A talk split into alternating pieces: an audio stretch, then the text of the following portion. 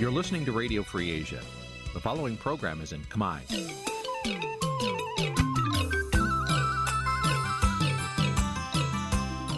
Nǐ chi càm bi tiệp xáy vệt chiu a zì sê ray នេះជាកម្មវិធីផ្សាយរបស់ Vithu Azisari ជាភាសាខ្មែរ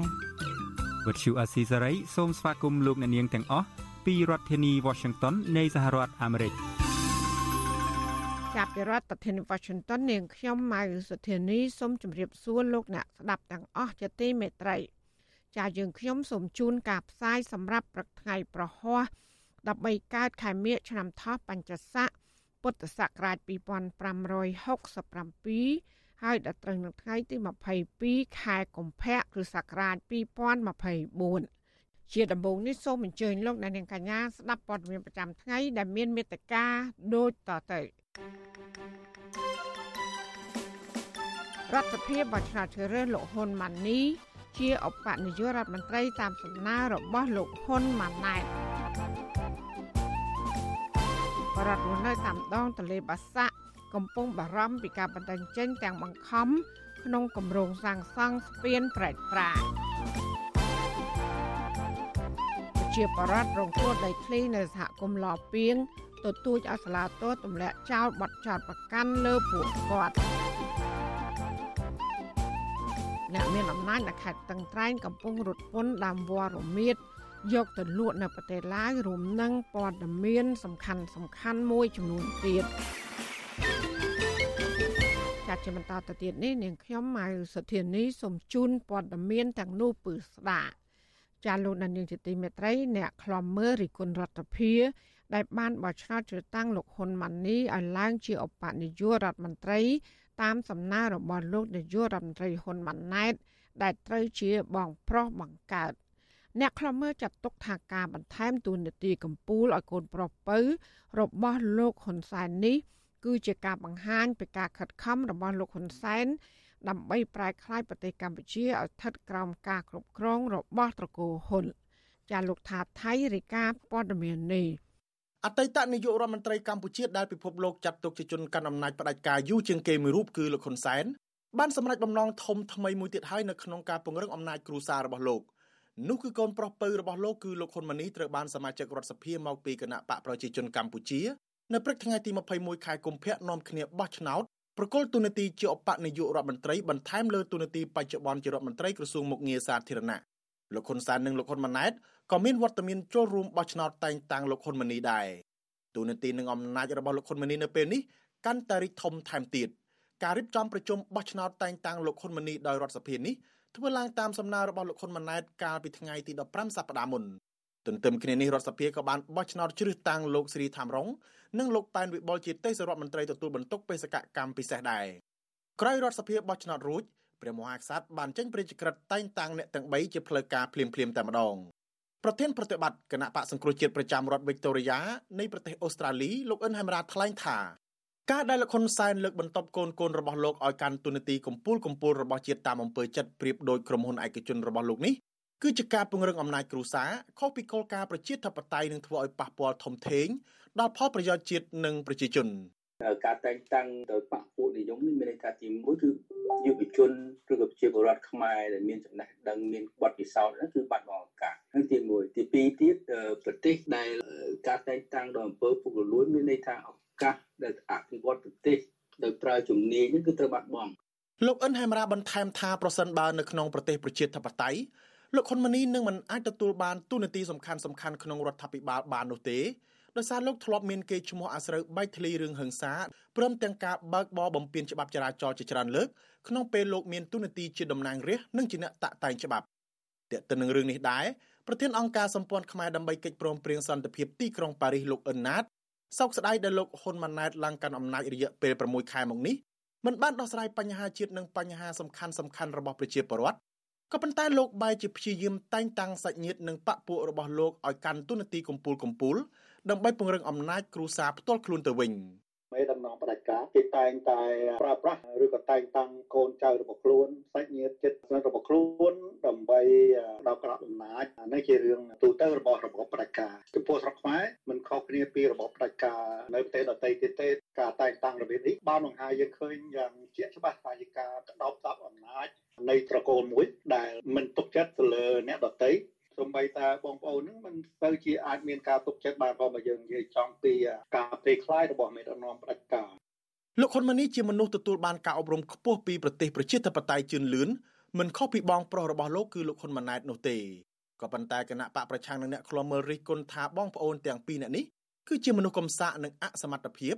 ដោយសារមិនហ៊ានប្រកួតប្រជែងតាមរយៈការបោះឆ្នោតដោយសេរីនិងយុត្តិធម៌ពិតប្រាកដជាមួយគណៈបកប្រឆាំងឡើយ អ្នកទាំងពីរបានទទួលទូនាទីសំខាន់សំខាន់ទាំងនៅក្នុងបកនិងរដ្ឋាភិបាលដោយសារតែការជួយជ្រោមជ្រែងនឹងការត្រួសត្រាយផ្លូវពីឪពុកដោយគ្មានសេចក្តីអៀនខ្មាស់ដូច្នេះហើយទៅមកទល់ពេលនេះប្រទេសកម្ពុជាមិនមានការប្រែប្រួលទៅរកភាពល្អប្រសើរនោះឡើយខ្ញុំថាថៃពីទីក្រុងមែលប៊នចាលោកដានៀងជាទីមេត្រីអ្នកខ្លោមើលលើកឡើងថាជំនួបរវាងអតីតនាយករដ្ឋមន្ត្រីកម្ពុជាលោកហ៊ុនសែននិងអតីតនាយករដ្ឋមន្ត្រីថៃលោកថាក់ស៊ីនស៊ីណាវ៉ាត់ អាចឈានទៅដល់ការប្រឹក្សាយោបល់ដើម្បីពង្រឹងអំណាចគ្រួសារក្តោបក្តាប់កិច្ចការគ្រប់គ្រងប្រទេសហើយនឹងអាចលើកបញ្ហាជាប់គាំងមួយចំនួន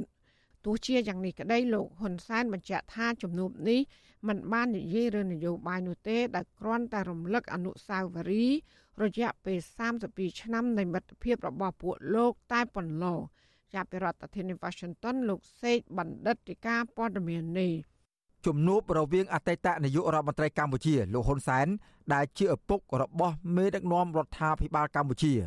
និងអតីតនាយករដ្ឋមន្ត្រីថៃលោកថាក់ស៊ីនស៊ីនវ៉ាត់ដែលជាឪពុករបស់ប្រធានគណៈបកកណ្ដាលអំណាចរបស់ថៃមិនត្រឹមតែជាដំណើរសួរសុខទុក្ខគ្នាក្នុងនាមជាបងប្អូនធន់នោះឡើយនេះបើតាមការលើកឡើងរបស់អ្នកប្រឹក្សាយោបល់ផ្នែកផ្នត់គំនិត និងការសិក្សាស្រាវជ្រាវគឺលោកសេកសុជាតិលោកយល់ឃើញថា ជំនួបរវាងឪពុកនិងឪពុករបស់ថ្នាក់ដឹកនាំប្រទេសទាំងពីរនៅពេលនេះអាចនឹងមានការជជែកពីចំនួនផង និងផ្នែកនយោបាយផង ដែលអាចឈានទៅដល់ការសហការណាមួយគណៈរដ្ឋាភិបាលនៃប្រទេសទាំងពីរក៏កំពុងគិតគូរលើការបូមព្រៀងនៅដែនសមុទ្ររួមគ្នាផងដែរនោះ សម្ដេចហ៊ុនសែនក្នុងនាមជាប្រធានគណៈបកកណ្ដាលអំណាចហ្នឹងយើងឃើញហើយលោកគាត់ទៅក្នុងនេះក៏អាចមានតំណែងជាមួយនឹងការចំណងមិត្តភាពរវាងគណៈបកនយោបាយនិងគណៈបកនយោបាយរបស់កូនលោកថាស៊ីននៅក្នុងការរៀបចំសម្ដាប់ធ្នាប់នៅក្នុងប្រទេសថៃធ្វើយ៉ាងណាកុំឲ្យមានសកម្មជននយោបាយប្រឆាំងនៅកម្ពុជាហ្នឹងអាចអនុវត្តឬក៏ធ្វើការងាររបស់ខ្លួនបានច្រើននៅទីនោះអីចឹងជាដើមបាទ ចំណែកអ្នកតាមដានភូមិសាស្ត្រតំបន់អាស៊ីអាគ្នេយ៍និងប៉ាស៊ីហ្វិកលោកសេងវ៉ាន់លីវិញក៏យល់ឃើញស្រដៀងគ្នានេះដែរថាក្រៅពីជំនួបឯកជនអតីតមេដឹកនាំទាំងពីរនេះអាចនឹងលើកយកបញ្ហាមួយចំនួននៃប្រទេសទាំងពីរមកពិភាក្សាខ្លះដែរដូចជាបញ្ហាតំបន់ត្រួតស៊ីគ្នានៅឈូងសមុទ្រថៃនិងការពង្រឹងអធិបុលនយោបាយរបស់ក្រមគ្រួសារទាំងពីរជាដើមទោះយ៉ាងណាលោកថាជំនួបនេះអាចជាប្រផ្នូលអាក្រក់របស់ក្រមអ្នកប្រឆាំង ដែលកំពុងជ្រកកោននៅក្នុងប្រទេសថៃនោះផងដែរដំណើរទស្សនកិច្ចនេះបង្ហាញអំពីការរឹតចំណងទំនាក់ទំនងរវាងតកោចិនវត្តនិងតកោហ៊ុនហើយក៏ដូចជាបង្ហាញឲ្យប្រជាពលរដ្ឋឬក៏អ្នកនយោបាយទាំងពីរប្រទេសហ្នឹងមើលឃើញថាថៃដែលដឹកនាំដោយតកោចិនវត្តឬដឹកនាំដោយពួកថៃកម្ពុជាដឹកនាំដោយរដ្ឋថៃបាល់កាត់ពីគណៈបព្វជិជនគឺមានអ្នកនងស្អិតរមួតខ្លាំងណាស់ដែលពិបាកក្នុងការដែលគណៈបកប្រឆាំងឬក៏អ្នកដែលមាននានាការពុយហ្នឹងអាចបំបែកបាន ការលើកឡើងរបស់អ្នកខ្លំមើលទាំងពីរនេះបន្ទាប់ពីលោកហ៊ុនសែនធ្វើដំណើរទៅកាន់ប្រទេសថៃដោយលោកហាងថាដើម្បីសួរសុខទុក្ខលោកថាក់ស៊ីនដែលត្រូវបានដោះលែងកាលពីថ្ងៃទី18ខែកុម្ភៈបន្ទាប់ពីបានជាប់ឃុំអស់រយៈពេល6ខែលោកហ៊ុនសែនបានទៅដល់អាកាសយានដ្ឋានដនមឿងនៅព្រឹកថ្ងៃដដែលដោយធ្វើដំណើរតាមរថយន្តទំនើបម៉ាក Mercedes ចូលទៅក្នុងភូមិគ្រឹះបានច័ន្ទសុងឡារបស់លោកថាក់ស៊ីននៅសង្កាត់បាងផ្លែតក្នុងទីក្រុងបាងកក ជំនួបរវាងបងប្អូនធរនៃអ្នកនយោបាយដ៏មានឥទ្ធិពលនៃប្រទេសទាំងពីរនេះបានបិទទ្វារមិនឲ្យអ្នកកាសែតចូលទៅយកព័ត៌មាននោះទេទោះយ៉ាងណាលោកហ៊ុនសែនបានបង្ហោះសារនៅលើបណ្ដាញសង្គម Facebook របស់លោកដោយបញ្ជាក់ថាជំនួបរបស់លោកនិងលោកថាក់ស៊ីននោះមិនបាននិយាយអំពីរឿងនយោបាយនោះទេដោយគ្រាន់តែរំលឹកអនុស្សាវរីយ៍រយៈពេល32ឆ្នាំនៃមិត្តភាពរបស់អ្នកទាំងពីរតាំងពីឆ្នាំ1992មកនោះប៉ុណ្ណោះ លោកហ៊ុនសែនក៏បានឲ្យដឹងទៀតថាលោកបានអញ្ជើញកូនស្រីពៅរបស់លោកថាក់ស៊ីនដែលជាប្រធានគណៈបកភឿថៃគឺអ្នកស្រីភេថងឋានស៊ីនវ័តឲ្យមកទស្សនកិច្ចនៅកម្ពុជានៅថ្ងៃទី14និងទី15ខែមីនាខាងមុខនេះដើម្បីពង្រឹងចំណងមិត្តភាពលោកថាក់ស៊ីនស៊ីនវ័តមានទំនាក់ទំនងជិតស្និទ្ធជាមួយលោកហ៊ុនសែនតាំងពីមុនលោកថាក់ស៊ីនក្លាយជានាយករដ្ឋមន្ត្រីទី23របស់ថៃពោលគឺនៅពេលលោកថាក់ស៊ីនបានបោះទុនវិនិយោគ លើផ្នែកបណ្ដាញទូរគមនាគមន៍នៅកម្ពុជាហើយទំនាក់ទំនងនេះក៏កាន់តែជិតស្និទ្ធរហូតពេលបច្ចុប្បន្នតែកតិននឹងជំនួបអតីតមេដឹកនាំទាំងពីរនេះនាយករងប្រចាំតំបន់អាស៊ីនៃអង្គការឃ្លាំមើលសិទ្ធិមនុស្សអន្តរជាតិ Human Rights Watch លោក Phil Robertson បានយកទៅបង្ហោះបន្តលើបណ្ដាញសង្គម X របស់លោកដោយដាក់ចំណងជើងថាលោកហ៊ុនសែនធ្វើរបៀបមេក្រុមជើងកាងលើយន្តហោះឯកជនរបស់លោកក្នុងដំណើរឆ្ពោះទៅកាន់ទីក្រុងបាងកកដើម្បីជួបជាមួយទ័នដិត និងជាអតីតនាយករដ្ឋមន្ត្រីថៃគឺលោកថាក់ស៊ីនស៊ីនវ៉ាត់លោក Phil Robertson ឆ្លៀតបន្ថែមសំណេរបែបសោយចំអកទៀតថា វាពិតជាសម្បើមណាស់សម្រាប់អភិបាលកិច្ចល្អឬសិទ្ធិមនុស្សនៅក្នុងអនុតំបន់ទន្លេមេគង្គ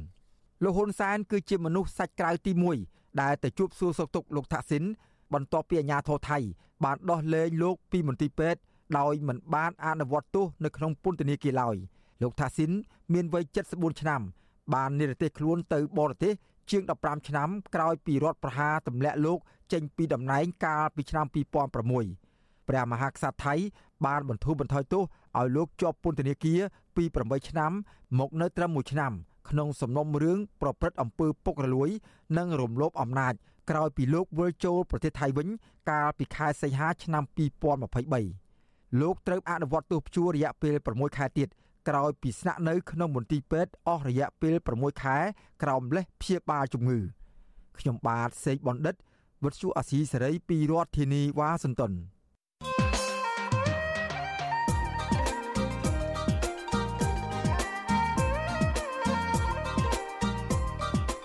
បាទលោកនាងជាទីមេត្រីការបោះឆ្នោតប្រសិទ្ធភាពនឹងប្រព្រឹត្តទៅនៅថ្ងៃអាទិត្យទី25កុម្ភៈនេះហើយការបោះឆ្នោតនេះបើគ្មានអ្វីប្រែប្រួលទេ គណៈបកប្រឆាំងក៏នឹងទទួលបានអាសនៈដែរដោយសារតែការបោះឆ្នោតអសកលតើស្ថាប័នប្រសិទ្ធភាពអាណត្តិថ្មី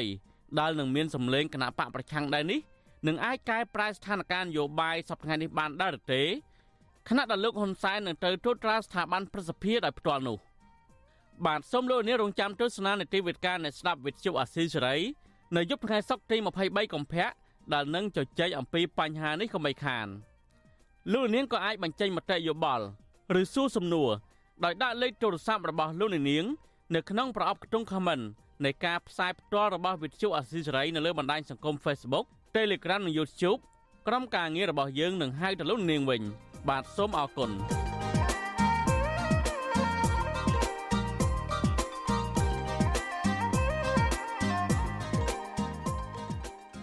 ចាលោកនានីជាទីមេត្រីពាក់ព័ន្ធគម្រោងសាងសង់ស្ពានឆ្លងកាត់ទន្លេបាសាក់វិញ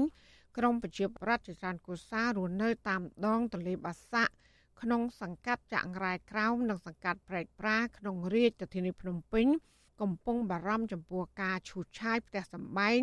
និងការបណ្ដឹងចេញពីដីធ្លីទាំងបង្ខំ ក្តីបារម្ភនេះបន្ទាប់ពីរដ្ឋាភិបាលអនុញ្ញាតឲ្យក្រុមហ៊ុនចិន អនុវត្តគម្រោងសាងសង់ស្ពានឆ្លងកាត់ទន្លេបាសាក់ចាអ្នកជំនាញសិទ្ធិមនុស្សបារម្ភដែរថាបរដ្ឋអាចនឹងនាំគ្នាងើបតវ៉ានឹងរងការបង្ក្រាប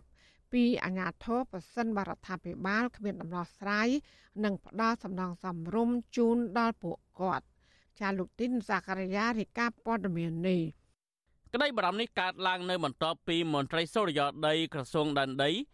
ចុះទៅកំណត់ទីតាំងលំនៅឋានបរដ្ឋមួយចំនួនត្រូវឈូសឆាយដើម្បីអនុវត្តគម្រោងសាងសង់ស្ពានឆ្លងកាត់ទន្លេបាសាក់បរដ្ឋនៅភូមិតឡុងសង្កាត់ចាក់អង្រែក្រោមលោកស្រីវិនស្រីរៀងប្រាប់វិទ្យុអសិរ័យថាអាញាធរបានចុះកំណត់ទីតាំងផ្ទះលោកស្រីនិងផ្ទះបរដ្ឋនៅក្នុងសង្កាត់ចាក់អង្រែក្រោមដែលជាប់ផ្លូវជាតិលេខ2និងដងទន្លេបាសាក់យ៉ាងហោចណាស់ជិត50គ្រួសារទៀត នឹងរងផលប៉ះពាល់ដោយសារតែការសាងសង់ស្ពាននេះលោកស្រីបន្តថាជាង1ខែមកនេះលោកស្រីពិបាកចិត្តដេកមិនលក់បក់មិនលហើយដោយសារតែក្តីបារម្ភត្រូវគេឈូសឆាយផ្ទះពីព្រោះលោកស្រីបានលក់ដីនៅឯស្រុកកំណើតក្នុងខេត្តកំពតដើម្បីទិញដីនិងសាងសង់ផ្ទះកំពុងរស់នៅសប្តាហ៍ថ្ងៃដែលមានតម្លៃប្រមាណជិត30000ដុល្លារលោកស្រីវិនស្រីរៀងបានដឹងទៀតថាកាលពីចុងខែមករាកន្លងទៅមន្ត្រីសូរិយាដីតំណាងក្រុមហ៊ុនចិន បានហៅតំណាងបរដ្ឋប្រមាណជា50នាក់ជួបជុំគ្នានៅព្រះវិហារចិនមួយកន្លែងក្នុងក្រុងតាខ្មៅប៉ុន្តែលោកស្រីថាអាញាធរនិងតំណាងក្រុមហ៊ុន បានត្រឹមតែបង្ខំឲ្យបរដ្ឋផ្តិតមេដាយទទួលស្គាល់ថាផ្ទះនិងដីរបស់ខ្លួនប្រឈមនឹងផលប៉ះពាល់ពីគម្រោងសាងសង់ស្ពានដោយគ្មានប្រាប់ពីដំណោះស្រាយឬការផ្ដល់សំណងឲ្យបរដ្ឋសំរុំនោះឡើយសុំថាសុំឲ្យគេខាត់ទៅ ទីសក្ការនោះអស់ទៅវាតិចផុតផ្ទះខ្ញុំអីចឹងណាព្រោះអីយើងវាស្ដាយផ្ទះយើង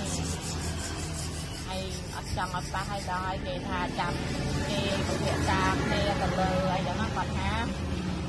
ហើយតែមិនដឹងថាគាត់ពិភាក្សាហ្នឹងមិនគាត់តែលុយផ្ដល់ដំណឹងអីហ៎បរិវត្តដឹងថាអ្នកដែលប្រឈមនឹងរងផលប៉ះពាល់បាត់បង់ដីធ្លីនិងផ្ទះសម្បែងពីគម្រោងសាងសង់ស្ពានឆ្លងកាត់ទន្លេបាសាក់ក្នុងសង្កាត់ចាក់ងរ៉ៃក្រោម និងសង្កាត់ប្រែកប្រាមិនក្រោមជាង100គ្រួសារនោះទេបរិវត្តប្រឈមនឹងការបណ្ដឹងចេញភៀច្រើន បានទៅតាំងទីលំនៅឋានរស់នៅនៅដងទន្លេបាសាក់ពី20ឆ្នាំទៅ30ឆ្នាំមកហើយដោយបរិវត្តខ្លះធ្វើជាវិឡាផ្ទះល្វែងនិងផ្ទះសម្រាប់ជួលជាដើម។គម្រោងសាងសង់ស្ពានឆ្លងកាត់ទន្លេបាសាក់ពីសង្កាត់ចាក់រ៉ែក្រោមទៅកាន់សង្កាត់ប្រៃប្រា មកទល់ពេលនេះក្រុមហ៊ុនបញ្ចាក់គ្រឹះបានចិត្តពាក់កណ្ដាល នៃផ្ទៃទន្លេបាសាក់ទៅហើយដូចគ្នាដែរបរិមម្នាក់ទៀតរស់នៅសង្កាត់ចាក់រ៉ែក្រោមថ្លែងសុំមិនបញ្ចេញឈ្មោះថារដ្ឋាភិបាលមិនគួរអនុញ្ញាតឲ្យក្រុមហ៊ុនចិនអនុវត្តគម្រោងមុនស្វែងរកដំណោះស្រាយសម្រាប់បរិវត្តនោះទេលោកបញ្ជាក់ថាក្រុមបរិវត្តមិនប្រឆាំងនឹងការអភិវឌ្ឍរបស់រដ្ឋាភិបាលនោះទេ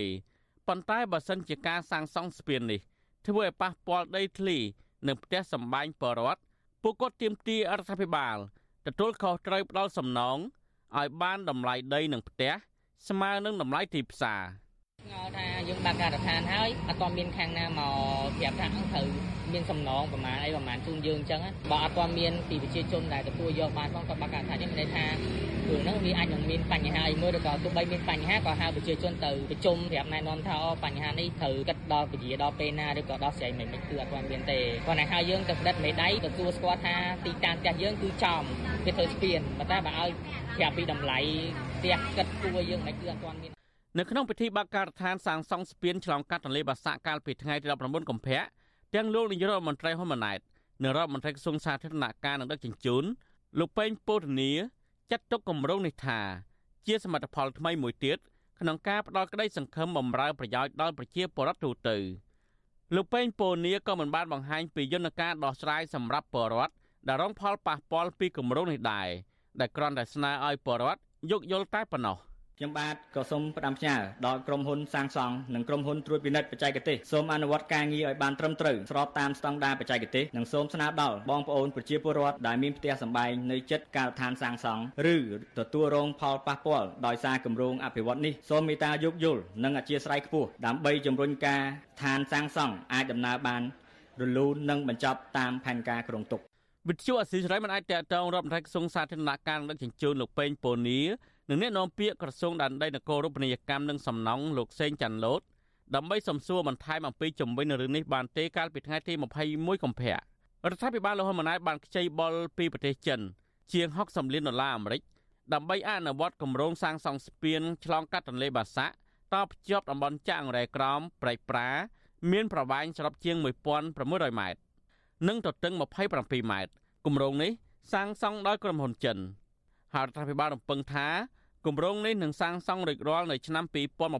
2027ជំវិញនឹងរឿងនេះអ្នកសម្រាប់សម្រួលគម្រោងធុរកិច្ចនិងសិទ្ធិមនុស្សរបស់មជ្ឈមណ្ឌលសិទ្ធិមនុស្សកម្ពុជាលោកវ៉ាន់សុផាត មានប្រសាសន៍ថាមុនពេលអនុវត្តធ្វើស្ពាននេះរដ្ឋាភិបាលគួរតែផ្ដល់ឱកាសសម្រាប់គ្រប់ភាគីពាក់ព័ន្ធជាពិសេសពលរដ្ឋក្នុងមូលដ្ឋានវិតម្លៃផលប៉ះពាល់បរិស្ថាន និងសង្គមឲ្យបានត្រឹមត្រូវដើម្បីធានាថាគម្រោងនោះធ្វើឡើងប្រកបដោយតម្លាភាព។ លោកលើកឡើងថាខណៈដែលស្ថានភាពបញ្ហាប្រជាធិបតេយ្យនិងសិទ្ធិមនុស្សនៅកម្ពុជាកាន់តែយ៉ាប់យ៉ឺន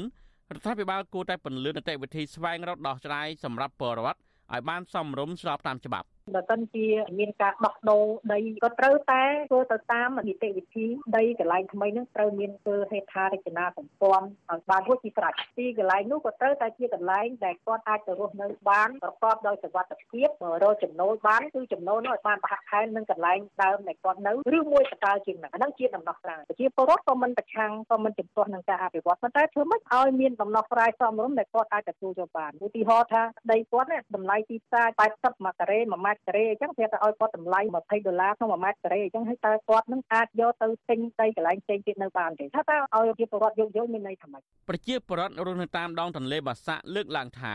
ពួកគាត់មិនអាចទទួលយកបានឡើយចំពោះការលើកឡើងរបស់រដ្ឋាភិបាល និងអាជ្ញាធរដែលស្នើឲ្យបរដ្ឋយោគយល់បើសិនជាក្រុមហ៊ុន បង្កផលប៉ះពាល់ឬឈូសឆាយកំទេចផ្ទះសម្បែងរបស់ពួកគាត់នោះក្រុមបរដ្ឋរស់នៅក្នុងសង្កាត់ចាក់រ៉ែក្រោមនិងសង្កាត់ព្រៃប្រា ព្រមាននឹងតវ៉ាជាទ្រង់ទ្រាយធំ ក្នុងការទៀមទារយុទ្ធធរបើសិនជាក្រុមហ៊ុនចិនកំទេចផ្ទះពួកគាត់ដោយគ្មានសំណងសមរម្យឬផ្ដាល់ដំណោះស្រាយតាមច្បាប់ជាមុនទេនោះខ្ញុំបាទធីនសាការីយ៉ាស៊ីសេរី ប្រធានាធិបតី Washington ចាលោកណានៀងជាទីមេត្រីអ្នកខ្លំមើលនិងសង្គមស៊ីវិលលើកឡើងថាអង្គការមួយចំនួនដែលមានកេរ្តិ៍ឈ្មោះមិនល្អក្នុងរឿងបំផ្លិចបំផ្លាញធនធានធម្មជាតិ និងរំលោភបំពានដីធ្លីឬក៏ជាប់ពាក់ព័ន្ធនឹងការឆបោកប្រាក់វិនិយោគរបស់បរដ្ឋជាដើមនោះក៏ប៉ុន្តែពួកគេឲ្យរស់នៅក្រៅសំណាញ់ច្បាប់បាន គឺដោយសារតែពួកគេមានទំនាក់ទំនងជិតស្និទ្ធជាមួយអ្នកមានអំណាចការលើកឡើងនេះក្រោយពេលដែលបរដ្ឋចេញតវ៉ាជាបន្តបន្ទាប់ប្រឆាំងនឹងអង្គការមួយចំនួនដែលបរដ្ឋចោទថាបានឆបោក ឬរំលោភដីធ្លីបរដ្ឋ ក៏ប៉ុន្តែរដ្ឋាភិបាលហាក់គ្មានវិធានការច្បាប់តឹងរឹង ចំពោះអង្គការទាំងនោះចាសសេចក្តីរាយការណ៍ពុស្ដាជំវិញបញ្ហានេះលោកណានៀងនឹងបានស្ដាប់នាពេលបន្តិចទៀតនេះចាលោកដានៀងកញ្ញាជាទីមេត្រីដំណើរគ្នានឹងស្ដាប់ការផ្សាយរបស់វិទ្យុអសីស្រី តាមបណ្ដាញសង្គម Facebook YouTube និង Telegram លោកដានៀងក៏អាចស្ដាប់ការផ្សាយរបស់យើងតាមរយៈរលកធាតុអាកាសខ្លីឬ Shortwave តាមកម្រិតនិងកម្ពស់ដូចតទៅចាប់ពីព្រឹកចាប់ពីម៉ោង5កន្លះដល់ម៉ោង6កន្លះតាមរយៈប៉ុស SW 93.90 MHz ស្មើនឹងកម្ពស់ 32m និងប៉ុស SW 11.85 MHz ស្មើនឹងកម្ពស់ 25m ចាសម្រាប់ពេលយប់វិញ គឺចាប់ពីម៉ោង7កន្លះដល់ម៉ោង8កន្លះគឺតាមរយៈប៉ុស SW 93.30 MHz ស្មើនឹងកម្ពស់ 32m ប៉ុស SW 11.88 MHz ស្មើនឹងកម្ពស់ 25m និងប៉ុស SW 15.15 MHz ស្មើនឹងកម្ពស់ 20m ចាសសូមអរគុណ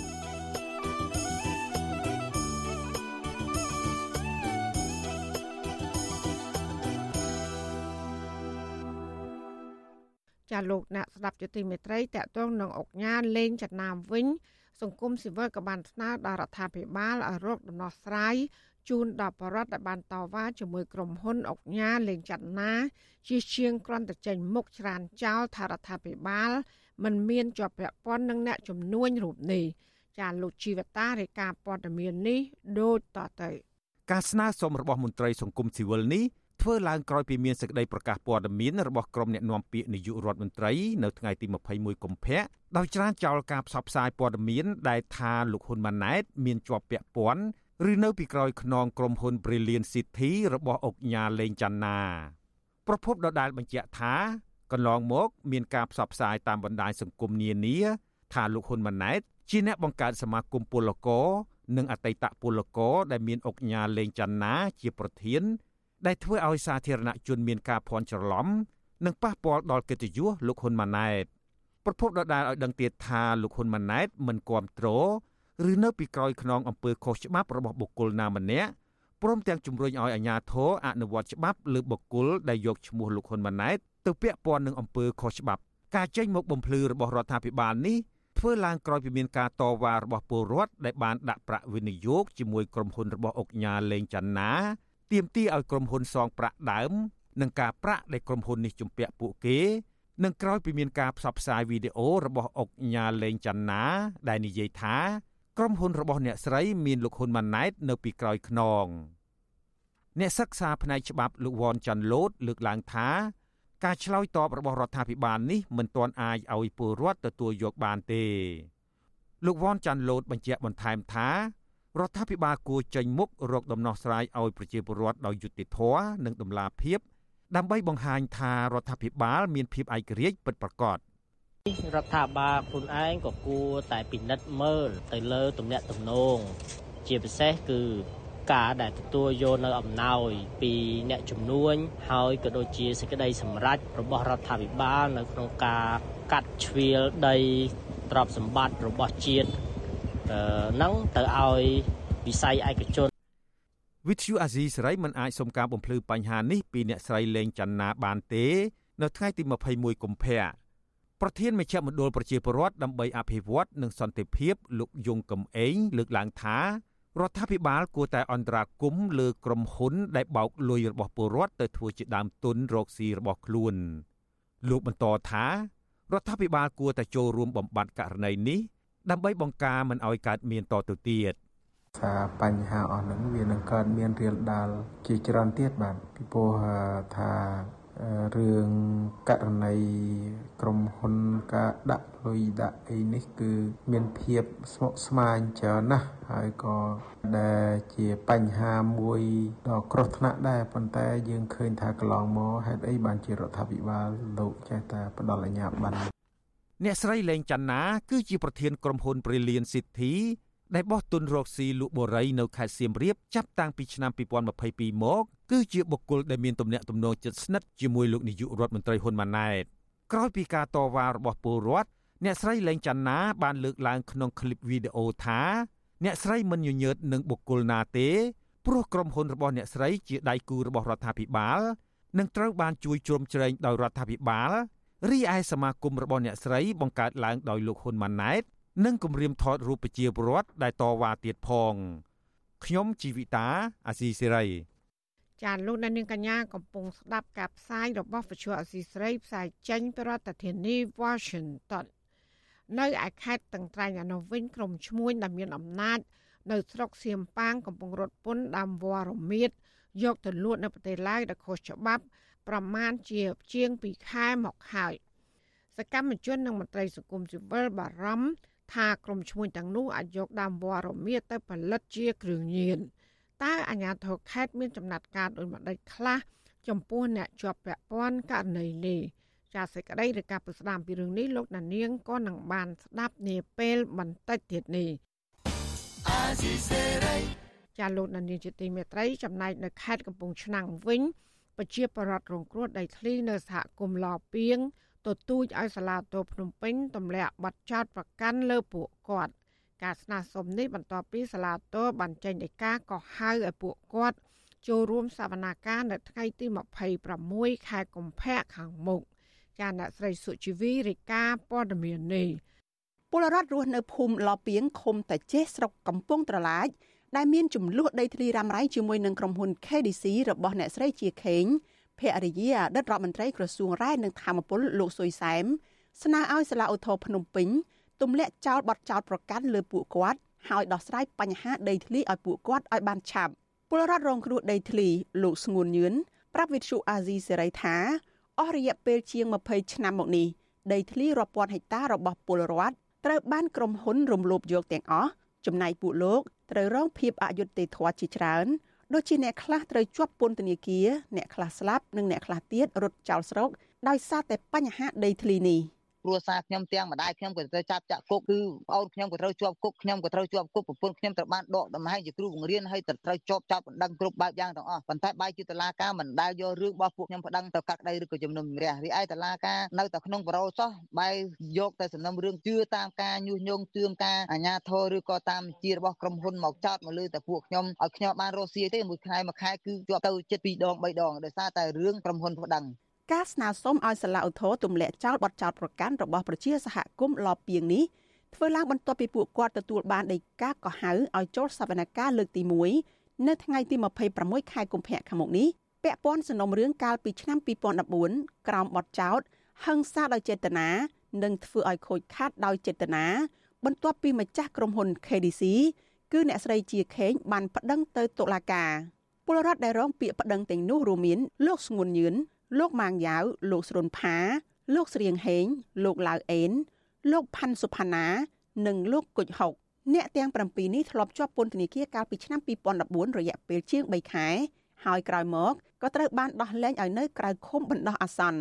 វិទ្យុអាស៊ីសេរីនៅមិនទាន់អាចតាក់ទងអនុប្រធានសាលាឧទ្ធរភ្នំពេញលោកខុនលៀងម៉េងនិងអគ្គលេខាធិការរងអ្នកស្រីស្រេងសូយ៉េតដើម្បីសុំបកស្រាយជុំវិញរឿងនេះបានទេ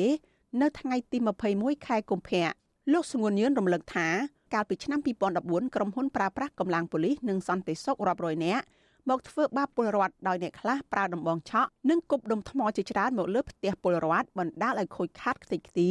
តែបែរជាគ្មានទោសចំណែកពលរដ្ឋដែលគ្រាន់តែការពារខ្លួនតវ៉ាប្រឆាំងនឹងក្រុមហ៊ុនដែលរំលោភយកដីពួកគាត់បែរជាត្រូវរងពាក្យប្តឹងរហូតដល់ពេលបច្ចុប្បន្នតេតិនរឿងនេះប្រធានសមាគមការពារសិទ្ធិមនុស្សអាត6លោកនីសុខាលើកឡើងថា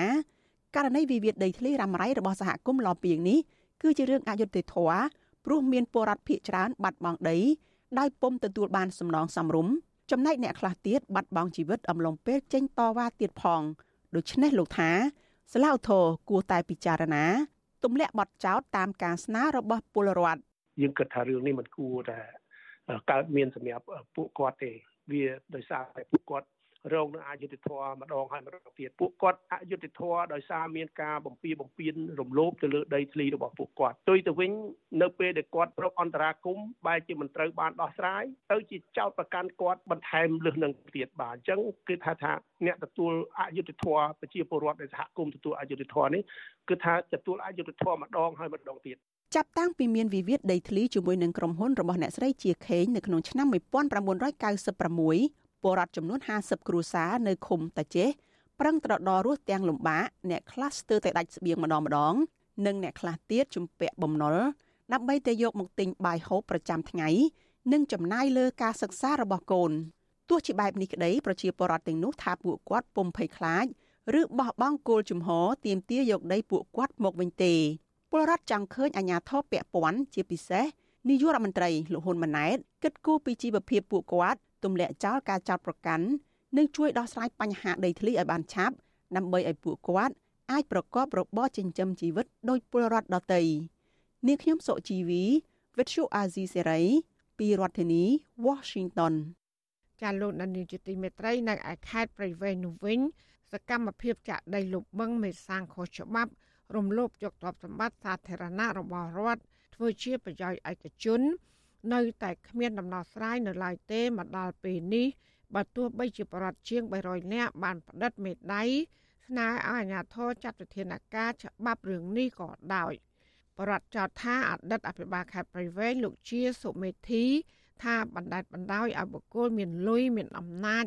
ចាក់ដីលុបបឹងមេសាងនិងប្រែកជីផុចក្នុងពេលដែលលោកកាន់តំណែងជាអភិបាលខេត្តព្រៃវែងចាលោកហ៊ុំចម្រើនរាយការណ៍ព័ត៌មាននេះ ពលរដ្ឋខេត្តព្រៃវែងស្ដាយស្រណោះព្រៃជីជីភុចដែលជាអាងស្តុកទឹកយ៉ាងសំខាន់ធ្វើកសិកម្មនិងជាកន្លែងនេសាទចិញ្ចឹមត្រីរបស់អ្នកស្រុកមេសាងត្រូវបានបុគ្គលមានលុយមានអំណាចចាក់ដីលុបព្រែកនេះជាបន្តបន្ទាប់ដោយគ្មានវិធានការច្បាប់ មកទល់ពេលនេះព្រែកជីភុចដែលធ្លាប់មានផ្ទៃទឹកធំធេងបែរជាប្រែក្លាយជាគោករាក់មួយផ្នែកធំជំនួសមកវិញនៅសំណង់រឹងកន្លែងលំហែទីតាំងលក់ដីឡូលក់អចលនទ្រព្យនិងរបងថ្មគ្រប់គ្រងដោយបុគ្គលមានលុយមានអំណាចខុបខិតជាមួយអាជ្ញាធរខេត្តនេះសកម្មភាពចាក់ដីលុបព្រែកធម្មជាតិធ្វើឡើងជាបន្តបន្ទាប់នៅរយៈពេលជាង1ឆ្នាំកន្លងទៅនេះហើយអ្នកភូមិភាគច្រើន មិនហ៊ានរិះគន់បញ្ហានេះជាសាធារណៈនោះទេព្រោះខ្លាចអាជ្ញាធរធ្វើទុកបុកម្នេញពលរដ្ឋរស់នៅឃុំជីភុចស្រុកមេសាងថ្លែងសុំមិនបញ្ចេញឈ្មោះព្រោះបារម្ភពីសុវត្ថិភាពប្រាប់វិទ្យុអាស៊ីសេរីថាសកម្មភាពចាក់ដីជីកព្រែកនេះឲ្យគោករាក់ដើម្បីយកដីពុះលោលក់ធ្វើលំនៅឋាន និងសំណង់អគារមានតម្លៃរាប់ម៉ឺនដុល្លារក្នុងមួយប្លង់មួយប្លង់ធ្វើឲ្យព្រែកនេះកាន់តែរួមតូចពីមួយឆ្នាំទៅមួយឆ្នាំ។ លោកថាពលរដ្ឋក្រីក្រមិនទទួលបានដីក្នុងតំបន់នោះជាកម្មសិទ្ធិនោះទេភាគច្រើនជារបស់ឈ្មួញមានអំណាចកាងដីព្រែកនេះធ្វើជាកម្មសិទ្ធិជាប្រយោជន៍បុគ្គលលែងមានត្រីមកឲ្យគេលុកកាន់តែទូទៅទូទៅវាបាត់ត្រីអស់យើងមិនដឹងថាវាទៅណាអស់វា ព្រែកជីភុចមានទំហំផ្ទៃដីរាប់រយហិកតាធំទូលាយដោយមានបណ្ដាញទឹកខ្វាត់ខ្វែងភ្ជាប់នឹងបឹងមេសាង ដែលអ្នកស្រុកចាត់ទុកថាជាប្រភពប្រាក់ចំណូលមិនរីងស្ងួត និងផ្ដល់ប្រយោជន៍ច្រើនដល់ប្រជាកសិកររាប់ពាន់គ្រួសារធ្វើកសិកម្មគ្រប់រដូវអ្នកភូមិចោតអតីតអភិបាលខេត្តព្រៃវែងលោកជាសុមេធីថាបណ្ដាលបណ្ដោយឲ្យក្រុមឈ្មួញរំលោភយកដីព្រែកនិងបឹងមេសាង ដែលជាទ្រព្យសម្បត្តិសាធារណៈរបស់រដ្ឋ កាលពីពេលលោកជាសមេធីកាន់តំណែងជាអភិបាលខេត្តព្រៃវែងចំណែកឯការចាក់ដីលុបបឹងមេសាងស្រុកមេសាងឯណោះវិញធ្វើឲ្យពលរដ្ឋយ៉ាងហោចណាស់3ភូមិដែលអាស្រ័យផលបឹងនេះដោយផ្ទាល់ខឹងសម្បានិងអាជ្ញាធរដែលអសមត្ថភាពការពារភោគទ្រព្យធម្មជាតិស្របតាមច្បាប់និងអនុក្រឹត្យកន្លងទៅ អ្នកភូមិជាង300គ្រួសារបានផ្តិតមេដាយស្នើឲ្យអាជ្ញាធរស្រុកនិងអតីតរដ្ឋមន្ត្រីក្រសួងមហាផ្ទៃលោកសខេងសង្គ្រោះបឹងធម្មជាតិនេះក្រោយពីកើតមានសកម្មភាពចាក់លុបដីបឹងនេះអស់មួយផ្នែកធំធ្វើឲ្យផ្ទៃបឹងរួមតូចនិងរាំងស្ទះចរន្តទឹករដូវវស្សាងាយនឹងកើតមានទឹកជំនន់ជន់លិចស្រូវកសិកម្មនិងលំនៅឋានពលរដ្ឋ តំណាងពលរដ្ឋចូលរួមផ្តិតមេដាយការពារបឹងនេះគឺលោកហិនសុផានីប្រាប់វិទ្យុអាស៊ីសេរីនៅថ្ងៃទី21កុម្ភៈថាមកទល់ពេលនេះអាជ្ញាធរមិនទាន់ដោះស្រាយញត្តិរបស់ពួកលោកនៅឡើយទេលោកថាបំណងពលរដ្ឋចង់ឲ្យអាជ្ញាធរកាយដីដែលចាក់លុបបឹងមេសាងឲ្យដូចទម្រង់ដើមវិញ បឹងហើយតែយើងចាក់ទៅវាប៉ះពាល់សម្បត្តិរួមសម្បត្តិរដ្ឋអីបើសំបីតែឥឡូវរីកហើយធ្វើឲ្យផ្លូវទឹកពីមុនហើយឥឡូវវាខុសគ្នាមានន័យថាផ្លូវទឹកពីមុនធំទឹកធំដល់ពេលផ្លូវទឹកពីមុខតូចវាទឹកក៏ទៅតាមនឹងដែរធ្វើឲ្យជាពលរដ្ឋមួយចំនួននៅក្បែរកន្លងហ្នឹងក៏ធ្វើស្រូវធ្វើស្រែទៅឥឡូវទឹកវាអស់បងវិរៈបើនាំគ្នាចេះតែចាក់លុបឬបំពេញឬក៏ នេះបងហ្នឹងនៅមិនយូរទេថាជាអស់ហើយវិទ្យុអាស៊ីសេរីមិនទាន់អាចតាក់ទងសុំការបំភ្លឺរឿងនេះពីអ្នកនាំពាក្យសាលាខេត្តព្រៃវែងលោកឈៀងសវណ្ណារាបាននៅឡើយទេនៅថ្ងៃទី21កុម្ភៈរីឯអតីតអភិបាលខេត្តព្រៃវែងលោកជាសមេធីបច្ចុប្បន្នជារដ្ឋមន្ត្រីក្រសួងសង្គមគិច្ចក៏មិនទាន់អាចតាក់ទងបានដែរនៅថ្ងៃដដែលនេះ ជុំវិញរឿងនេះអ្នកសម្របសម្រួលគម្រោងធុរកិច្ចនិងសិទ្ធិមនុស្សរបស់មជ្ឈមណ្ឌលសិទ្ធិមនុស្សកម្ពុជាលោកវ៉ាន់សុផាតពន្យល់ថាប្រសិនបើការលុបបាំងនិងព្រែកដោយគ្មានក្តីសម្រេចពីរដ្ឋាភិបាលគឺជាបទល្មើសព្រំប្រទានព្រោះតែហៅថាដីបឹងគឺជាដីសាធារណៈរបស់រដ្ឋមិនមែនជាកម្មវត្ថុនៃការលុបនៃការទិញនៃការផ្ទេរនៃការចាក់អញ្ចឹងទេហើយបើសិនជានៅជាផលប្រយោជន៍សាធារណៈរបស់រដ្ឋហ្នឹងគឺសម្រាប់ ផលប្រយោជន៍ប្រជាពលរដ្ឋខ្មែរគឺมันអាចទៅធ្វើជាកម្មវត្ថុនៃការដោះដូរទិញឬមួយលក់អីចឹងបានទេប៉ុន្តែបើសិនជាបឹងនឹងអស់ផលប្រយោជន៍សាធារណៈរបស់រដ្ឋជាពលរដ្ឋក៏លែងត្រូវការអាស្រ័យផលលែងបានអានឹងរដ្ឋអាចធ្វើអនុប្រយោគទៅជាដីឯកជនរបស់រដ្ឋពលរដ្ឋបន្ថែមថាប្រសិនបើអាជ្ញាធរនៅតែមិនដោះស្រាយញត្តិរបស់ពួកគាត់នោះទេ អ្នកភូមិនឹងពិភាក្សាគ្នាបន្ថែមទៀតដើម្បីរកមធ្យោបាយទាមទារឲ្យអាជ្ញាធរជាតិ និងស្ថាប័នពាក់ព័ន្ធសង្គ្រោះបឹងធម្មជាតិស្របតាមច្បាប់ និងគោលនយោបាយរបស់រដ្ឋាភិបាលខ្ញុំបាទហុំចម្រើនវិទ្យុអាស៊ីសេរីពីរដ្ឋធានី Washington ាលោកដានៀងជាទីមេត្រីក្នុងឱកាសនេះដែរនាងខ្ញុំសូមថ្លែងអំណរគុណដល់លោកដានៀងកញ្ញាទាំងអស់ដែលតែងតែមានភក្ដីភាពចំពោះការផ្សាយរបស់យើងហើយចាត់ទុកការស្ដាប់វិទ្យុអសីសេរី គឺជាផ្នែកមួយនៃសកម្មភាពប្រចាំថ្ងៃរបស់លោកអ្នកការគ្រប់គ្រងរបស់លោកដានៀងនេះហើយដែលធ្វើយើងខ្ញុំមានទឹកចិត្តកាន់តែខ្លាំងថែមទៀតក្នុងការស្វែងរកនិងផ្តល់ព័ត៌មានជូនដល់លោកដានៀងចាំមានអ្នកស្ដាប់អ្នកទេសនាកាន់តែច្រើនកាន់តែធ្វើយើងខ្ញុំមានភាពស្វាហាប់មួមុតជាបន្តទៀតចាយើងខ្ញុំសូមអរគុណទុកជាមុន ហើយក៏សូមអញ្ជើញលោកដានៀងកញ្ញាចូលរួមជំរុញឲ្យសកម្មភាពផ្ដល់ព័ត៌មានរបស់យើងនេះកាន់តែជោគជ័យបន្ថែមទៀតលោកដានៀងអាចជួយយើងខ្ញុំបានដោយគ្រាន់តែចុចចែករំលែកឬ share ការផ្សាយរបស់យើងនេះនៅលើបណ្ដាញសង្គម Facebook និង YouTube ទៅកាន់មិត្តភ័ក្តិដើម្បីឲ្យការផ្សាយរបស់យើងនេះបានទៅដល់មនុស្សកាន់តែច្រើនចាសសូមអរគុណ ចាលោកអ្នកស្ដាប់ទីមេត្រីអ្នកខ្លំមើលនឹងសង្គមស៊ីវិលលើកឡើងថាអុកញ៉ាមួយចំនួនដែលមានគេឈ្មោះមិនល្អក្នុងរឿងបំផ្លិចបំផ្លាញធនធានធម្មជាតិរំលោភបំពានដីធ្លីឬជាប់ពាក់ព័ន្ធនឹងការឆោបបោកប្រាក់វិនិយោគរបស់បរដ្ឋជាដើមនោះក៏ប៉ុន្តែពួកគេអាចរស់នៅក្រៅសំណាញ់ច្បាប់បាន គឺដោយសារតែពួកគេមានតំណែងតំណងចិត្តស្និទ្ធជាមួយនឹងអ្នកមានអំណាច ការលើកឡើងនេះក្រោយពេលដែលមានបរិវត្តចេញតវ៉ាជាបន្តបន្ទាប់ប្រឆាំងនឹងអុកញ៉ាមួយចំនួន ដែលប្រជាប្រដ្ឋចោទថាបានឆោបបោកឬក៏រំលោភដីធ្លីបរដ្ឋក៏ប៉ុន្តែរដ្ឋាភិបាល ហាក់គ្មានវិធានការច្បាប់តឹងរឹង ចំពោះអុកញ៉ាទាំងនោះឡើយចាកញ្ញាខណ្ឌលក្ខណៈមានសេចក្តីរាយការណ៍ពឹស្ដាជំវិញបញ្ហានេះដូចតទៅតួលេខពីសមាគមអុកញ៉ាកម្ពុជា បង្ហាញថា នៅឆ្នាំ2023កម្ពុជាមានអុកញ៉ាយ៉ាងតិច1300នាក់ទោះបីជារដ្ឋាភិបាលអះអាងថា អ្នកបានងារជាអុកញ៉ាទាំងនោះ បានរួមចំណែកយ៉ាងសំខាន់ក្នុងការកសាងសង្គមនិងសេដ្ឋកិច្ចតាមរយៈការវិនិយោគជួយបង្កើតការងារសម្រាប់ប្រជាពលរដ្ឋក៏ដោយប៉ុន្តែ គេសង្កេតឃើញថាវិបត្តិនៅក្នុងសង្គមខ្លះគឺបានកើតឡើង ដោយសារតែស្នាដៃមិនសុចរិតរបស់អង្គការមួយចំនួនអ្នកសម្របសម្រួលគម្រោងធុរកិច្ចនិងសិទ្ធិមនុស្សនៃមជ្ឈមណ្ឌលសិទ្ធិមនុស្សកម្ពុជាលោកវ៉ាន់សុផាតក៏សម្គាល់ថា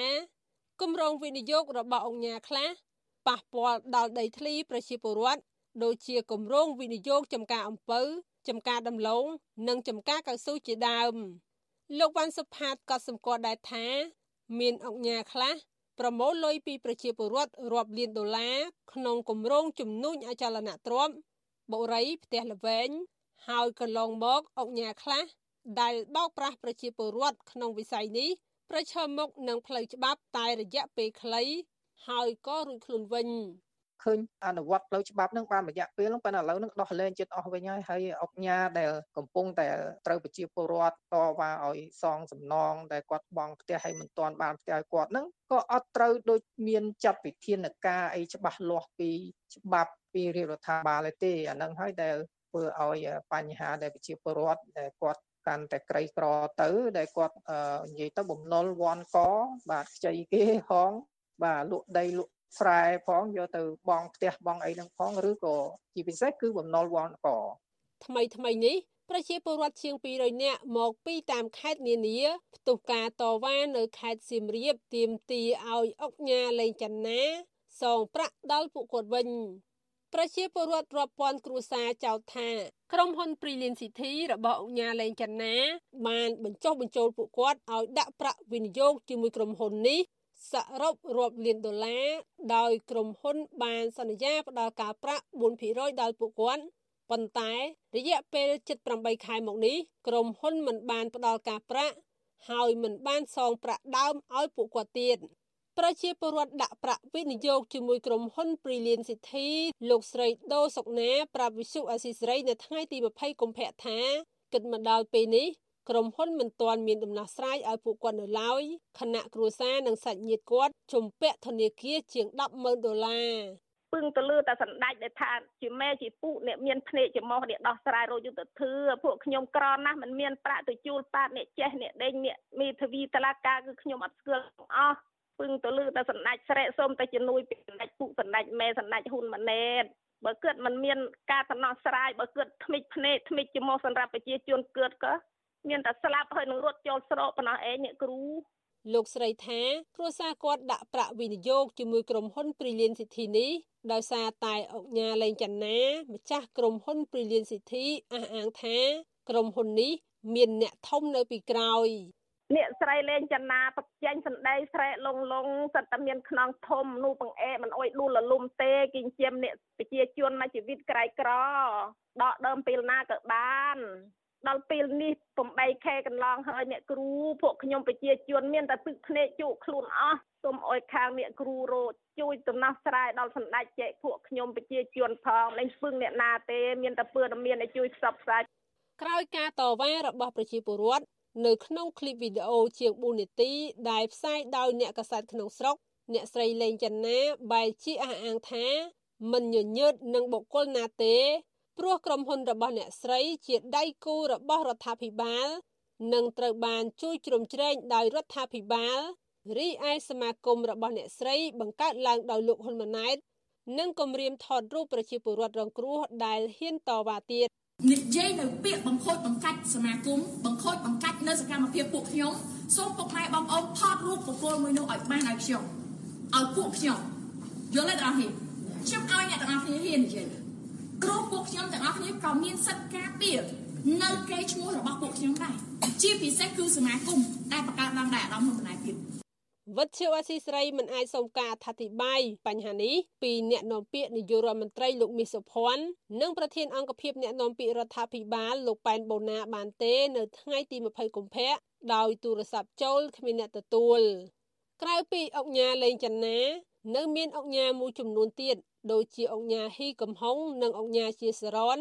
ដែលកាលពីឆ្នាំ2023ក៏ត្រូវបានប្រជាពលរដ្ឋនៅខេត្តកំពតចោទថា បានឆបោកប្រាក់របស់ប្រជាពលរដ្ឋដែលដាក់វិនិយោគរាប់លានដុល្លារក្នុងគម្រោងអចលនទ្រព្យតែក្រោយពីប្រជាពលរដ្ឋតវ៉ានិងដាក់ពីបណ្ដឹងនោះសមត្ថកិច្ចខេត្តកំពតបានចាប់និងឃុំខ្លួនអង្គញាជាសរនប្រធានក្រុមហ៊ុនជាសរននិងបពពួកមួយចំនួនទៀតដាក់ពន្ធនាគារបណ្ដោះអាសន្ន ខណៈប្រជាពលរដ្ឋរងគ្រោះនៅមិនទាន់ទទួលបានដំណោះស្រាយនៅឡើយចាប់តាំងពីខែមេសាឆ្នាំ2023ដល់បច្ចុប្បន្ន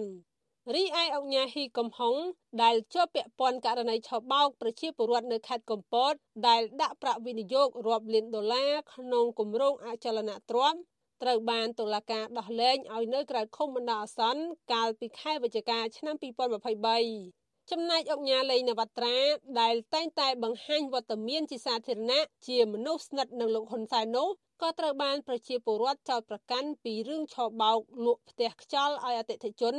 ហើយមិនទាន់មានដំណោះស្រាយដល់បច្ចុប្បន្នក្នុងពេលជាមួយគ្នានេះអង្គញាលីយ៉ុងផាត់ដែលល្បីខាងទន្ទ្រានយកដីធ្លីរបស់ប្រជាពលរដ្ឋជាច្រើនរយគ្រួសារនៅខេត្តកោះកុងនិងកំពង់ស្ពឺអង្គញារូបនេះ ត្រូវបានរដ្ឋាភិបាលផ្ដល់ទូនាទីកាន់តែច្រើនឡើងដូចជា ជាទីប្រឹក្សាលោកហ៊ុនសែនជាប្រធានគណៈកម្មាធិការហិរញ្ញវត្ថុនៃគណៈបកប្រជាជនកម្ពុជា និងជាសមាជិកប្រសិទ្ធិគណៈបកប្រជាជនកម្ពុជា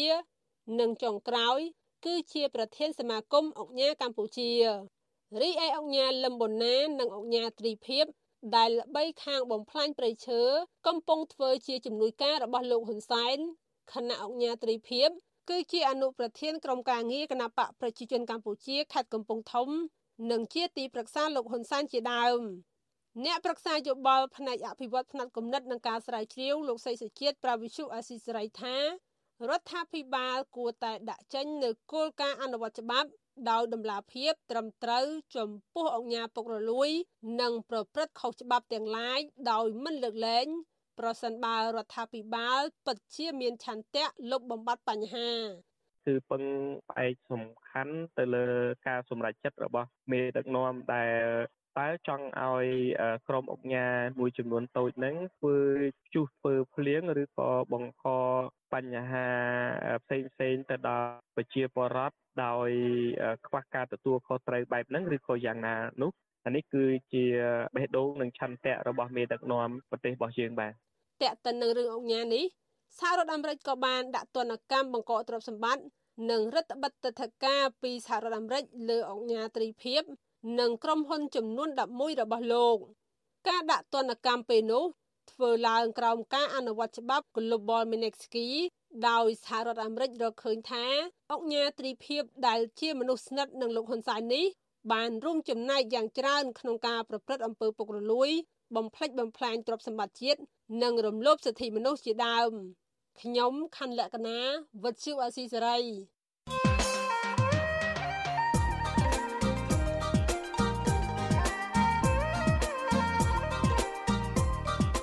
បាទលោកនាងជាទីមេត្រីការបោះឆ្នោតប្រសិទ្ធភាពនឹងប្រព្រឹត្តទៅនៅថ្ងៃអាទិត្យទី25កុម្ភៈនេះហើយការបោះឆ្នោតនេះបើគ្មានអ្វីប្រែប្រួលទេ គណៈបកប្រឆាំងក៏នឹងទទួលបានអាសនៈដែរដោយសារតែការបោះឆ្នោតអសកលតើស្ថាប័នប្រសិទ្ធភាពអាណត្តិថ្មីដែលនឹងមានសម្លេងគណៈបកប្រឆាំងដែរនេះនឹងអាចកែប្រែស្ថានភាពនយោបាយសប្តាហ៍នេះបានដែរឬទេខណៈដែលលោកហ៊ុនសែននឹងទៅត្រួតត្រាស្ថាប័នប្រសិទ្ធភាពដោយផ្ទាល់នោះបាទសូមលោកនាងរងចាំទស្សនានីតិវិទ្យានៃស្ដាប់វិទ្យុអាស៊ីសេរីនៅយប់ថ្ងៃសុក្រទី23កុម្ភៈដែលនឹងជជែកអំពីបញ្ហានេះកុំបីខាន លោកនាងក៏អាចបញ្ចេញមតិយោបល់ឬសួរសំណួរដោយដាក់លេខទូរស័ព្ទរបស់លោកនាង នៅក្នុងប្រអប់ខ្ទង់ comment នៃការផ្សាយផ្ទាល់របស់វិទ្យុអាស៊ីសេរីនៅលើបណ្ដាញសង្គម Facebook Telegram និង YouTube ក្រុមការងាររបស់យើងនឹងហៅទៅលោកនាងវិញ បាទសូមអរគុណ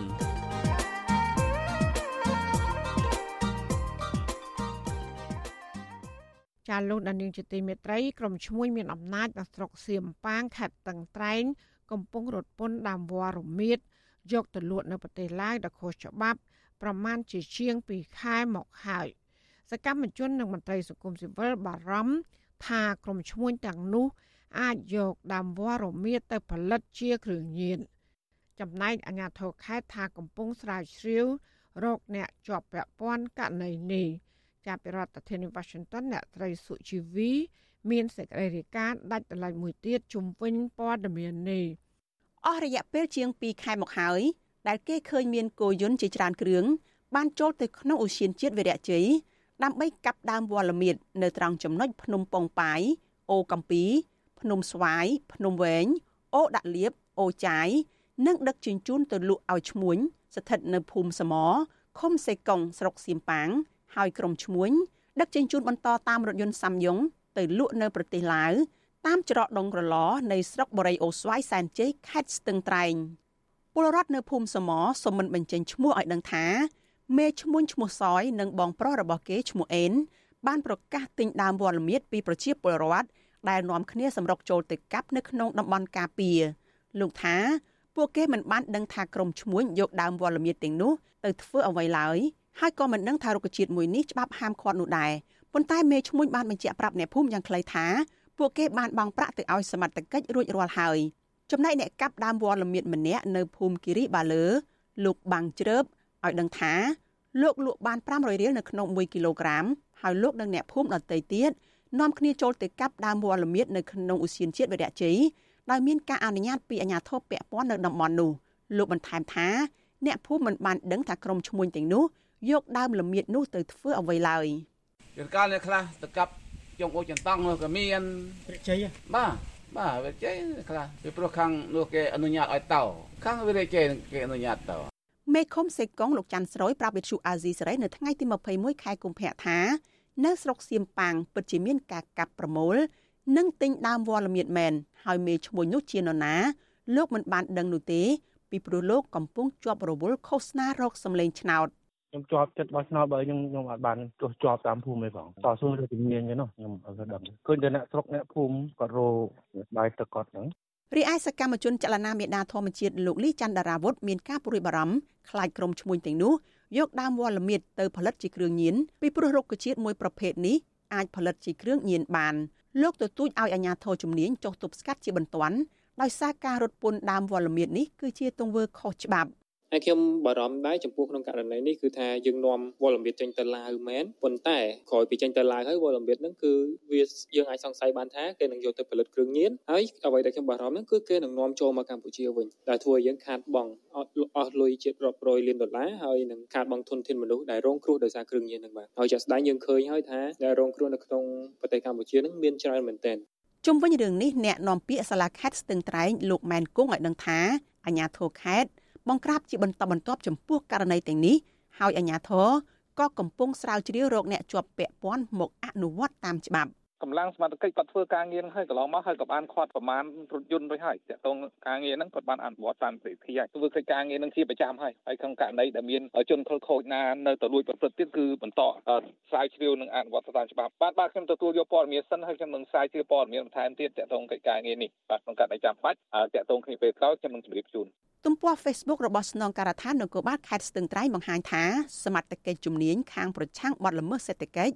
បានចាប់រថយន្តសាមយ៉ុងចំនួន2គ្រឿងដែលបានដឹកដើមវល្លិមៀតចំនួន4តោនស្មើនឹង80ការុងដែលបំរុងដឹកជញ្ជូនឆ្លងដែននៅត្រង់ព្រំដែនកម្ពុជាឡាវស្ថិតនៅក្នុងភូមិអូស្វាយឃុំអូស្វាយស្រុកបូរីអូស្វាយសែនជ័យខេត្តស្ទឹងត្រែង កាលពីថ្ងៃទី12ខែកុម្ភៈតែកតិនបញ្ហានេះនាយករងទទួលបន្ទុកកិច្ចការទូតនៃអង្គការការពារសិទ្ធិមនុស្សលីកាដូលោកអំសំអាតយល់ឃើញថារដ្ឋាភិបាលអាណត្តិថ្មី ត្រូវចុះសិក្សាស្រាវជ្រាវរោគអ្នកជាប់ពាក់ព័ន្ធនិងអនុវត្តច្បាប់ឲ្យបានតឹងរឹងទៅលើជនល្មើសរោគស៊ីជួញដូរវត្តល្មៀតនេះ ហើយបើសិនជាអាជ្ញាធរលោកធ្វើការស៊ើបអង្កេតមិនរកទៅឃើញថាមានមន្ត្រីណាឬក៏ជនណាដែលពាក់ព័ន្ធនឹងការនៅពីក្រោយខ្នងឬក៏ការចូលរួមនៅក្នុងការរកនាំចេញនៅអវត្តមានដែលខុសច្បាប់ទេត្រូវចាត់វិធានការតាមផ្លូវច្បាប់ឲ្យខាងទៅបាននិងបានការអនុវត្តច្បាប់វាមានប្រសិទ្ធភាពបាទកាលពីចុងឆ្នាំ2016ក្រុមហ៊ុនជីងយွမ်ហ្វីងលៀននិងក្រុមហ៊ុនឆៃជីងហៀងគ្រុ បបានសាងសង់រោងចក្រកែច្នៃដើមវល្លិមៀតស្ថិតនៅឃុំឫស្សីជ្រុំស្រុកថ្មបាំងខេត្តកោះកុងដោយក្រុងប្រមូលទិញវល្លិមៀតនៅក្នុងតំបន់ការពារធម្មជាតិភូមិសាស្ត្រខេត្តកោះកុងប៉ុន្តែត្រូវក្រសួងបរិស្ថានបញ្ជាឲ្យបិទកន្លែងកែច្នៃវល្លិមៀតនោះវិញភ្លាមបន្ទាប់ពីមានការផ្សព្វផ្សាយជាសាធារណៈវល្លិមៀតជាប្រភេទរុក្ខជាតិវល្លិម្យ៉ាងដែលមានក្លិនក្រពុលមានរសជាតិជូរអែមដូចស្ពាន់ធ័រលាយជាមួយស្ករត្នោត វាជាសារធាតុមេសម្រាប់ផលិតគ្រឿងញៀនជាពិសេស Ecstasy ច្បាប់ស្តីពីព្រៃឈើឆ្នាំ2002មាត្រា32ចែងហាមឃាត់មិនឲ្យមានការបង្កើតមូលដ្ឋានកែច្នៃវល្លិមៀតចំណែកមាត្រា97ចែងថាការបង្កើតមូលដ្ឋានកែច្នៃវល្លិមៀតឬមូលដ្ឋានសិប្បកម្មអនុផលព្រៃឈើផ្សេងទៀតដែលនាំមកនូវការបំផ្លាញព្រៃឈើនិងមជ្ឈដ្ឋានព្រៃឈើត្រូវផ្ដន្ទាទោសដាក់ពន្ធនាគារពី5ឆ្នាំទៅ10ឆ្នាំនេះខ្ញុំសុជីវី វិទ្យុអាស៊ីសេរីពីរដ្ឋធានី Washington លោកនាងជាទីមេត្រីយើងបានទទួលសំណូមពរពីអ្នកស្ដាប់និងអ្នកទស្សនារបស់យើងច្រើនណាស់ថាកុំឲ្យដាក់ចំណងជើងផ្ទុយពីខ្លឹមសារនៃព័ត៌មាន ឧទាហរណ៍ដូចជាដាក់ចំណងជើងថា Vivo ហើយលោកហ៊ុនសែនត្រូវតឡាការប្រំពន្ធអន្តរជាតិ ICC យកទៅកាត់ទោសជាដើមក៏ប៉ុន្តែនៅពេលដែលចុចស្ដាប់ទៅ គឺមិនលឺនិយាយអំពីរឿងនេះសោះចាយើងខ្ញុំសូមជម្រាបថាការដាក់ចំណងជើង ដែលខុសពីខ្លឹមសារទាំងនេះគឺជាការបោកប្រាស់របស់ក្រុមរកស៊ីតាម YouTube ដើម្បីរកលុយតែប៉ុណ្ណោះ ពួកគេបានលួចយកខ្លឹមសារនៃការផ្សាយរបស់វិទ្យុអសីស្រី ទៅកាត់តរួចបដូរចំណងជើង តាមរបៀបប្លែកប្លែកហួហេតុដែលខុសពីការពិតក្នុងគោលបំណងតាក់ទាញចិត្តលោកនាងឲ្យចុចស្ដាប់ឬទស្សនាដើម្បីបាន view ឬក៏បានអ្នកចូលទស្សនាច្រើនមានអ្នកចុចស្ដាប់កាន់តែច្រើន ពួកគេក៏កាន់តែរកប្រាក់បានច្រើននោះដែរ ចាទីស្រីមិនដែលដាក់ចំណងជើងខុសពីខ្លឹមសារនោះទេលោកអ្នកនាងកញ្ញាអាចចូលរួមទប់ស្កាត់ការបោកប្រាស់ទាំងនេះបានដោយឈប់ចុចស្ដាប់ឬក៏ទស្សនាការចុះផ្សាយណាមួយដែលដាក់ចំណងជើងខុសប្លែកគួរសង្ស័យទាំងនេះចាជាពិសេសទៅទៀតគឺដើម្បីស្ដាប់ឬក៏ទស្សនាការផ្សាយពិតរបស់អាស៊ីសេរីសូមលោកអ្នកនាងកញ្ញាចូលទៅក្នុង Channel របស់អាស៊ីសេរីតែម្ដង ដែលមានអាសយដ្ឋាន www.youtube.com/rfa ខ្មែរចាសសូមអរគុណចាលោកលានាងកញ្ញាអ្នកស្ដាប់ជាទីមេត្រីការផ្សាយរយៈពេល1ម៉ោងរបស់វិទ្យុអាស៊ីស្រីជាភាសាខ្មែរនៅពេលនេះចាប់តែប៉ុណ្ណេះចាយើងខ្ញុំទាំងអស់គ្នាសូមជូនពរលោកនាងនិងក្រុមគ្រួសារទាំងអស់សូមជួបប្រកបតែនឹងសេចក្តីសុខសេចក្តីចម្រើន ជានិរន្តរ៍ ចានាងខ្ញុំម៉ៅសុធានីព្រមទាំងក្រុមការងារទាំងអស់របស់អសីស្រីសូមអរគុណនិងសូមជម្រាបលា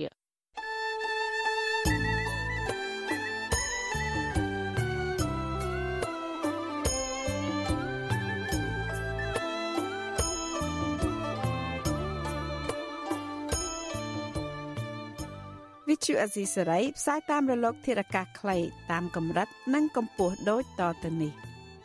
ពេលព្រឹក ចាប់ពីម៉ោង5កន្លះដល់ម៉ោង6កន្លះតាមរយៈប៉ុស SW 93.90 MHz ស្មើនឹងកម្ពស់ 32m និងប៉ុស SW 11.85 MHz ស្មើនឹងកម្ពស់ 25m ពេលយប់ចាប់ពីម៉ោង7កន្លះដល់ម៉ោង8កន្លះតាមរយៈប៉ុស SW 93.30 MHz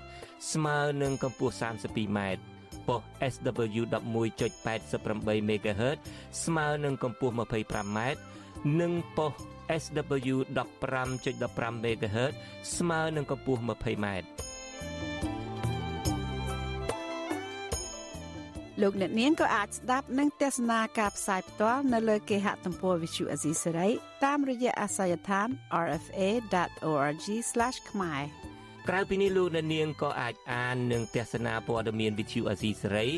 លើទូរស័ព្ទដៃរបស់លោកអ្នកនាងផ្ទាល់សូមអញ្ជើញលោកអ្នកនាងដំឡើងកម្មវិធីវិទ្យុអាស៊ីសេរីនៅលើទូរស័ព្ទដៃរបស់លោកអ្នកនាងឬស្វែងរកវិទ្យុអាស៊ីសេរីនៅលើ YouTube ឬ Facebook ដោយស្វែងរកពាក្យថាវិទ្យុអាស៊ីសេរីឬ RFA ខ្មែរសូមលោកអ្នកនាងចុច like Follow និងចុច Subscribe ដើម្បីទទួលបានព័ត៌មានថ្មីៗតាមហេតុការណ៍និងទស្សនាវីដេអូផ្សេងៗទៀតបានគ្រប់ពេលវេលាយើងខ្ញុំសូមជូនពរដល់លោកអ្នកនាងព្រមទាំងក្រុមគ្រួសារទាំងអស់ឲ្យជួបប្រកបតែនឹងសេចក្តីសុខសេចក្តីចម្រើនរុងរឿងកុំបីឃ្លៀងឃ្លាតឡើយ។